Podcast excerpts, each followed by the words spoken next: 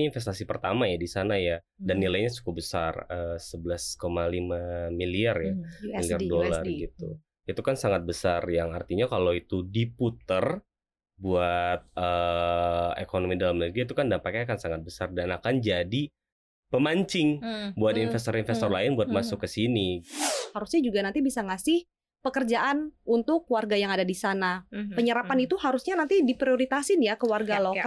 Tapi kan kita tahu nih kalau biasanya ada investasi dari Cina nih, Iya, Mas. betul. Biasanya nanti mereka akan bawa orang-orangnya. orang-orangnya lagi. investasi kan nggak cuma sekedar uang Mhm. masuk terus dia bikin produk dia jual ke dalam negeri atau ke luar negeri tapi kan gimana si daerahnya itu Hmm. bisa tumbuh terus masyarakatnya itu bisa yang tadinya miskin mungkin bisa jadi kelas menengah gitu Hmm.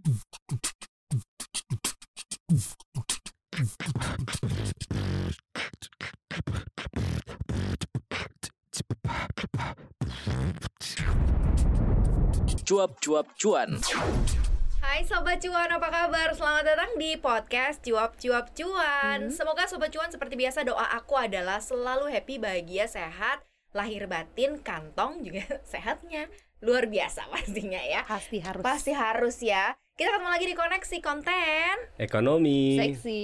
Yeay, bareng Maria Katarina dan juga Michael managing editor CNBC Indonesia Aduh ngeri gak jadi takut Eh takut banget loh. Salah Tapi Mas Mike ini emang ngeri. Jadi kan ini senior Uh-uh. aku ya. Kalau misalnya liputan ekonomi, Mas Mike ini kalau bisa mau dapat informasi langsung tinggal WA Sri Mulyani. Aduh takut lagi tinggal WA. Serius bener-bener. Bener ya Ngeri itu. Berarti kalau butuh kerjaan baru bisa. waduh CV. ini gua aja belum dapat kerjaan nih Dan bersama dengan Anda kenalkan diri dulu Anda Fansnya sudah menunggu Halo, aku Inta dari produser CNBC Indonesia untuk program TV-nya. Aduh ngeri juga Jadi ini dua orang ngeri-ngeri di dekat saya ya Sobat Cuan ya Kita akan ngomongin soal yang lagi rame Yang lagi rempong gitu ya Bukan Mhm. rempong sih Karena mungkin banyak banget Satu dua hal yang harus difasilitasi Keinginannya gitu kali ya Bang Mike ya Hmm. Jadi ini terkait mengenai Pulau Rempang Rempang Rempang? Rempang? Rempang aja Rempang ya. aja ya Di Sumatera biasanya E ya. rempang kayaknya keras E. E-nya Iya. keras. Oke, Pulau Rempang yang ada di Batam. Kalau misalnya Sobat Cuan udah pengen tahu beritanya, pengen ngeliat, itu banyak banget eh, timeline newsnya di cnbcindonesia.com. Jadi tinggal dicek aja, ada banyak banget tulisan-tulisan di situ yang bisa membuat Sobat Cuan paham sebenarnya lagi ada apa sih di Pulau Rempang ini.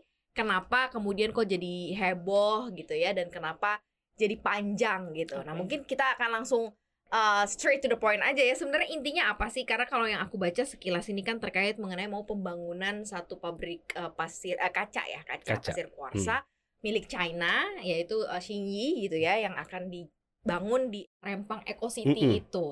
Nah sebenarnya kalau misalnya kita tarik ada apa kenapa kemudian sekarang jadi rame karena warga kemudian yang tiba-tiba katanya nggak mau direlokasi Iya. lah inilah Ada itulah bentrok gitu. juga ya waktu itu sama pihak keamanan 7 Betul. September 2023 yang akhirnya bikin makin ramai. Mm-mm. Jadi akar permasalahannya berarti ya. akarnya kita mulai dari kalau misalnya bang Mike ngelihat dari ini nih apa sih gitu sebenarnya intinya Iya, sebenarnya kalau eh, ini bikin kaget juga sebenarnya ya buat kita yang mungkin jauh dari Rempang ya. Kita Ya. aja nggak tahu Rempang itu tadinya ada di sebelah mana gitu. Mhm. Sampai harus lihat Google Map dulu, lihat oh ternyata Rempang itu ada di eh, Kepulauan Riau, sedikit di bawah Batam. Jadi kayak Nah, eh, Batam ekornya tuh eh, Rempang ternyata Hmm. gitu. Nah, di sana itu rencananya mau dibuat eh, semacam kawasan eco city gitulah yang eh, ada kawasan khusus terus ada investor-investor yang masuk ke sana.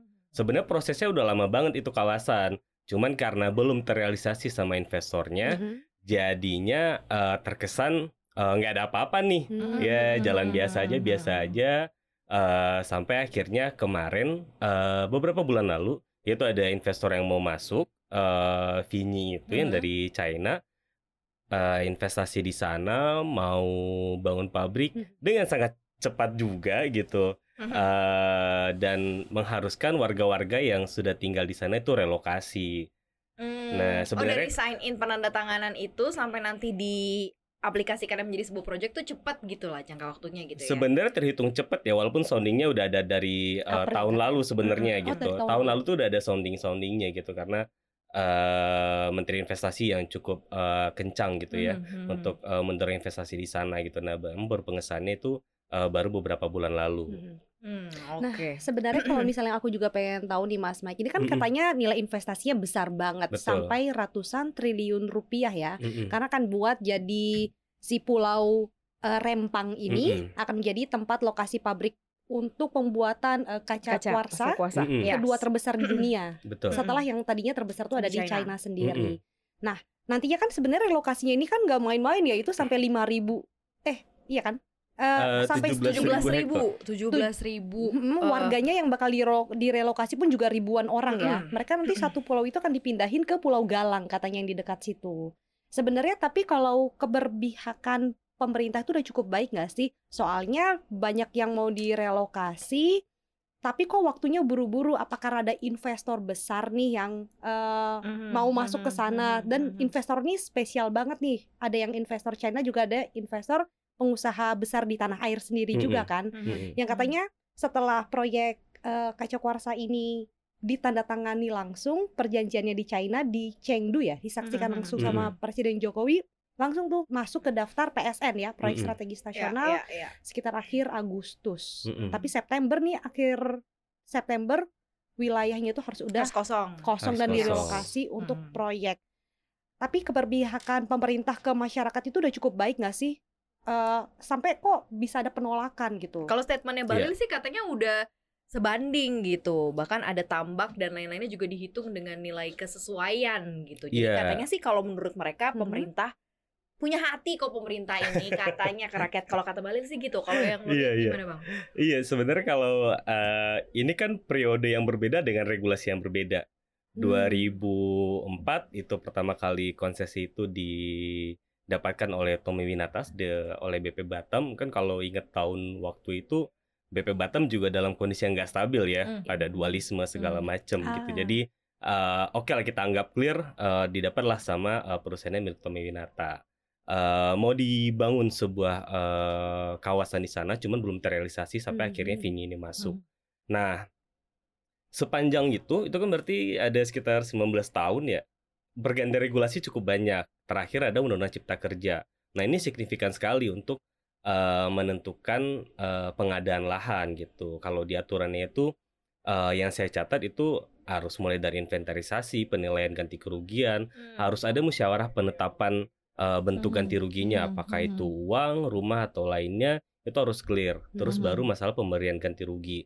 Nah, di tahapan itu eh, BP Batam klaim itu sudah dijalankan, Oke. iya oke. kan, terhadap eh, jadi di sana ada 16 kampung nih, oke Mhm. tapi nggak semuanya yang mau direlokasi ya untuk tahap pertama ini. Bertahap ya. Iya, jadi oke. tiga kampung dulu direlokasi.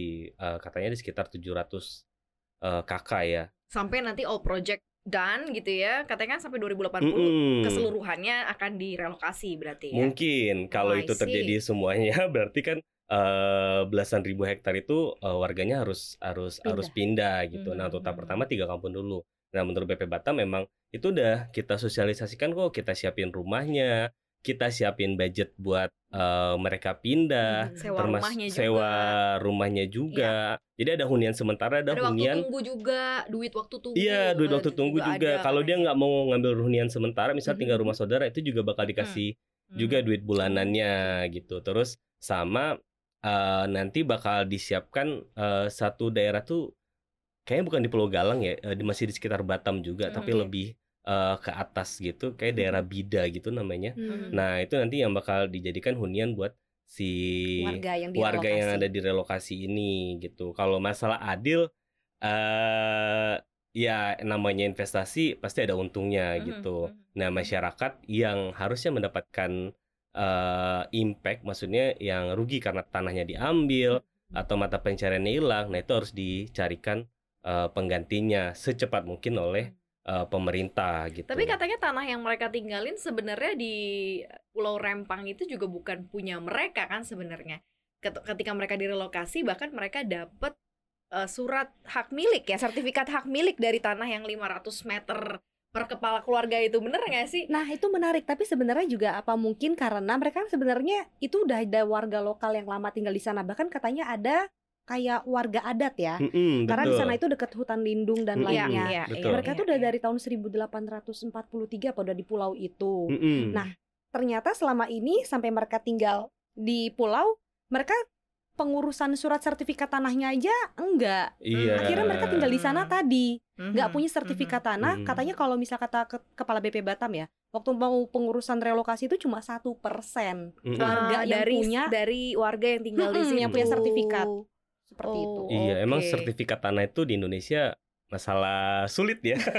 Jadi sulit ini- banget gitu bahkan. yang tadi berarti Inta bilang klaimnya adalah sudah tinggal di situ dari lama, cuman Mm-mm. memang nggak ada legalitasnya kalau bicara mengenai sertifikat gitu kan? Iya, atau mungkin proses pengurusan uh, sertifikatnya karena kita nggak bisa klaim tuh sertifikat itu apakah didapat karena uh, itu bukan lahannya dia atau karena dia nggak pernah mengurusnya gitu. Kita Hmm. kan nggak nggak pernah tahu nih makanya Presiden Jokowi aja gencar bagi-bagi sertifikat Hmm. itu kan biar supaya masalah-masalah ini nggak nggak ada. Hmm, Nah, hmm, tapi hmm. ternyata kan ada lagi nih masalah begini. Ya, Oke, anggap aja lah itu uh, tanah mereka dan harus diganti rugi gitu. Nah, sebagai kompensasinya ya emang harus disediakan rumah beserta sertifikatnya sekaligus Hmm. mata pencariannya karena mereka kan kebanyakan nelayan ya. Betul, betul. Kalau ditarik sedikit ke kota, jarak mereka untuk ke Bingung. pesisir Hmm, jauh, hmm, kasihan hmm, juga hmm, nanti. hmm. Sebenarnya itu mungkin ya pokok permasalahannya Hmm. bukan cuman ganti ruginya tapi kayak penyambung hidupnya apalagi nih nanti kalau misalnya gue biasanya jadi nelayan terus akhirnya geser ke tengah jadi nggak bisa mencari apa-apa penghasilan dari apa yang biasa gue kerjain gitu Sepakat, ya. sepakat. Seharusnya kalau di situ. seharusnya kalau misalnya ada investasi, kalau bisa kan juga ngasih nilai tambah untuk Mhm. produk, ngasih pemasukan untuk daerahnya, Mhm. pemerintah pusat juga tentunya ya. Mhm. Tapi harusnya juga nanti bisa ngasih pekerjaan untuk warga yang ada di sana. Mhm, Penyerapan mhm. itu harusnya nanti diprioritasin ya ke warga Ya, ya. lokal. Tapi Mm-mm. kan kita tahu nih kalau biasanya ada investasi dari Cina nih, Iya, Mas. betul. Biasanya nanti mereka akan bawa orang-orangnya. orang-orangnya lagi. Mungkin juga harus dipastiin ini bentuknya kayak gitu nggak sih, Mas? Iya bener karena eh, investasi kan nggak cuma sekedar uang Mhm. masuk terus dia bikin produk dia jual ke dalam negeri atau ke luar negeri tapi kan gimana si daerahnya itu bisa tumbuh terus masyarakatnya itu bisa yang tadinya miskin mungkin bisa jadi kelas menengah gitu Hmm. dimanfaatkan mungkin bukan hanya di eh, pekerja gitu ya Mhm. masuk sebagai pegawai karena eh, di beberapa eh, proyek emang ada eh, seperti keharusan untuk menarik warga lokal untuk menjadi pekerjanya Mhm. nggak cuma sebatas itu harusnya kayak misalnya eh, UMKM-nya kalau dia Hmm, misalnya iya, iya. jualan produk A B jadi vendor untuk perusahaan dibina nah itu kan juga sangat membantu menaikkan kelas ekonomi masyarakat di sana Hmm, ya benar benar benar benar. Setuju juga gitu ya karena kan ya kalau yang kerja bukan warga lokal tapi warga pendatang ya itu agak PR juga ya. Apalagi kita tahu kalau misalnya sekarang itu nilai investasi makin lama makin rendah ya pembukaan lapangan kerjanya dari 10 Betul. tahun terakhir kan Mm-mm. selalu turun. Mm-mm. 2013 realisasi investasi 400 triliun rupiah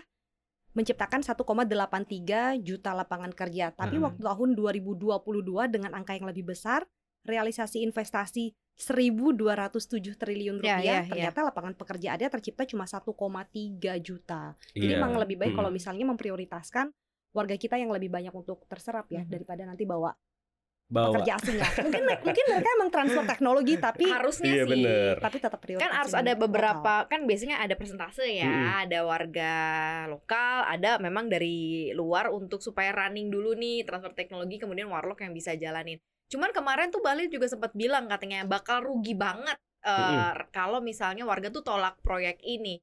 Berarti kan secara garis besar statementnya mengatakan bahwa ini tuh akan gede banget dan akan Hmm. menyumbang besar Hmm. banget kah gitu untuk pendapatan negara kalau memang ini bener-bener running apalagi sampai 2080 Iya. gitu ya. Mm-mm. Gimana Bang Mai? Iya karena eh, yang pertama ini investasi pertama ya di sana ya dan Hmm. nilainya cukup besar eh, 11,5 miliar ya miliar USD. dolar USD. gitu. Itu kan sangat besar yang artinya kalau itu diputer buat eh, ekonomi dalam negeri itu kan dampaknya akan sangat besar dan akan jadi pemancing Hmm. buat Hmm. investor-investor Hmm. lain buat Hmm. masuk ke sini gitu. Hmm. Nah, jadi eh, logikanya emang bener kalau ketika investasi masuk ya baik eh, warganya atau daerahnya itu bisa bisa tumbuh. Mhm. Kalau ini nggak ada titik temu bisa mungkin batal atau gagal nggak sih? Kalau yang lo lihat karena gini, Mm-mm. kalau dibilang status tanah yang ditempati warga nggak sepenuhnya misal bukan bukan miliknya gitu Mm-mm. ya. Kayak contohnya di Jakarta aja deh, ada Mm-mm. se, se sejumlah lahan yang Mm-mm. milik KAI ditempatin sama warga Betul. gitu kan. Mm-mm. Yang bisa aja KAI lagi pembangunan ini itu digusurin gitu. Mm-mm. Tapi mau nggak tuh warga-warga segitu padahal secara jelas mereka tahu bahwa mereka nggak nempatin Mm-mm. miliknya gitu. Ini yang Mm-mm. ada di ibu kota gitu.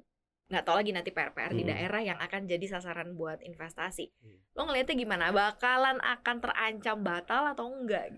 Gitu? Ya yang namanya proyek strategis nasional selalu begitu ya, selalu banyak. Ada gitu ya? ada Ah, gitu. Kayak selalu ada ya? cerita cerita-cerita penolakan warga Iya, itu iya, udah iya. udah pasti ada entah itu karena warganya atau mungkin warga entah dari mana gitu pasti ada selalu ada penolakan gitu nah eh, batal eh, mungkin akan diupayakan supaya ini terrealisasi gitu ya jadi eh, yang penting sih kalau menurut saya di sini komunikasi sih komunikasi dari aparat Mhm. BP Batam atau pihak eh, pemerintah pusat juga gimana masyarakat ini ngerti nih kita Mhm. butuh nih eh, produksi ini karena ini kan nanti eh, bakal jadi itu solar panel kan kita Iya, mendorong iya. energi terbarukan juga gitu jadi dampaknya akan sangat eh, besar gitu jadi eh, gimana caranya harus dicari solusi ya kalau perlu ditambah ganti ruginya ya perlu disesuaikan ya harus disesuaikan gitu Mhm. gimana Mhm. caranya tapi juga emang benar kata Inta suara-suara sumbang mengenai ini investasinya asing nanti tenaganya asing itu juga Hmm, harus diperhatikan hmm, terus hmm. misalnya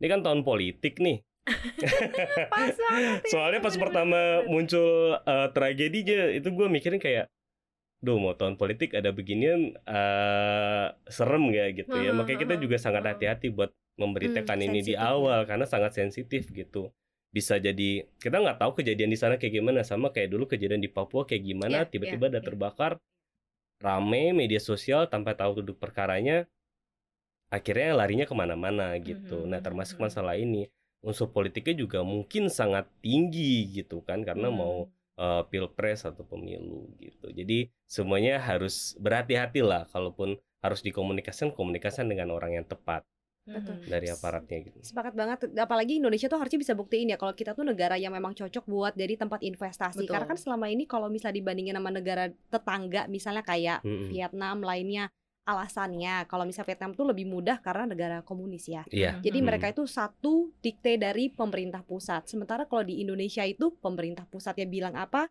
di daerah nanti jadinya apa. Jadi banyak dinamikanya. Betul, Tapi betul. harusnya Indonesia bisa buktiin kita tuh memang daerah investasi yang bagus ya. Karena tuh salah satu program di kita kan waktu itu closing bell pernah wawancara sama Andre Rosiade ya. Mm. Eh, Komisi 6. Dia tuh yang Komisi 6 tuh yang membidangi membidangi untuk Iya, BP iya, Batam. iya. Dia bilang kalau sebenarnya untuk yang investasi Singi Glass Mhm. Holding di Mm-mm. eh, Batam ini sebenarnya itu berdasarkan hasil beauty contest. Maksudnya si investor itu nggak ujuk-ujuk aku mau di Indonesia, tapi Mm-mm. sebenarnya ada negara-negara tetangga di Indonesia yang udah dia lihat-lihat, akhirnya dia kayak oke. Oh, gue serak nih di sini. Iya di gitu ya. Indonesia. Jadi Mhm. sebenarnya kalau misal nanti ternyata betul nih di Mhm. Indonesia tidak nyaman untuk para investor dan lainnya, ya bisa jadi mereka akhirnya akan memilih eh, negara lain. Hmm. Kalau terus yang misalnya dipilih Batam juga lagi ya secara posisi kan se- letak gitu kan Betul. Iya, harusnya perairannya Batam juga bisa buktiin ya harusnya tetangga Singapura tapi kok jomplang kayak langit dan bumi. iya nggak sih? benar benar benar Harusnya benar, bisa buktiin dong. Iya, betul, Itu kayak betul. kalau kamu jadi standingnya sama gitu ya sorry Hmm, nih gitu ya Kalau dengan investasi masuk tapi tadi ya harus tenang dulu Hmm, supaya nanti hmm. benar-benar investasi investasinya tadi bermanfaat buat semuanya. Kita kalau berdiri di Batam bisa ngeliat Singapura loh. Bener, bisa Betul. tiga ratus ribu doang kan nyebrang iya. tapi kayak langit dan bumi kan Iya, ini iya, iya. kondisinya. Mm-mm. ya kita pengen sih lihat uh, ada apa khususnya investasi ya karena kan Hmm. emang Indonesia kan projectnya atau targetnya untuk menarik investasi itu kan tinggi tapi hal-hal kayak gini kan kayak banyak banget sering kejadian gitu ya butuh refleksi khusus nggak sih mungkin pemerintah gitu kalau dari kacamata Bang Mike karena paling susah untuk diselesaikan tuh pasti urusan deal sama uh, warga gitu ya pembebasan lahan lah dan lain-lain nah ini yang membuat kemudian investor akhirnya suka nggak mau em, lanjut atau apa Mm-mm. karena ada faktor-faktor yang seperti ini gitu mungkin perlu ada penjelasan khusus atau treatment khusus ke warga bahwa ini tuh sebenarnya nanti baik juga loh buat anak cucu atau apa gitu yang mungkin Iya, bisa jadi, jadi kalau. Eh, investasi salah satu ketidakpastian yang sangat dikhawatirkan investor itu kan emang gejolak Mhm. eh, yang sifatnya dari eh, Hmm. warga gitu ya selain masalah eh, regulasi eh, dan hal-hal administrasi lainnya Mm-mm. gitu.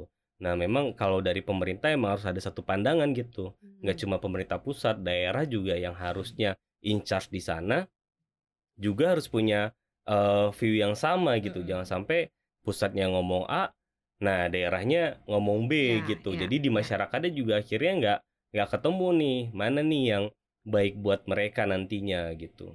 Hmm. Jadi memang harus ada dua dua mata ya dan dua kesepakatan gitu kali ya Bunta ya. Kalau misalnya- pusat dan daerah. Jo presiden kita aja dulu waktu jadi wali kota bisa apa menggusur kaki lima dengan cara Mm-mm.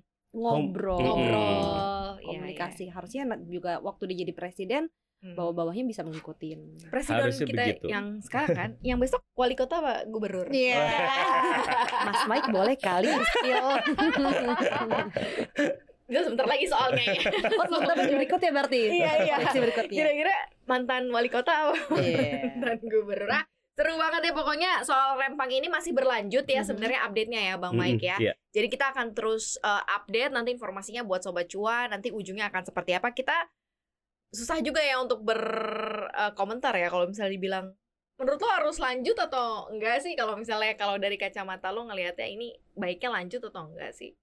Eh, kalau gue sih lanjut ya. Lanjut ya. Lanjut ya sebenarnya. Yang penting kalau di sini emang komunikasinya aja dan nggak harus ada tingkat kekerasan Hmm. yang dilakukan Setuju, setuju, siapa pun setuju. entah itu dari aparat atau dari warga gitu. Ya udah komunikasi eh, cari win-winnya Hmm. yang pas seperti apa dan semua bisa tenang.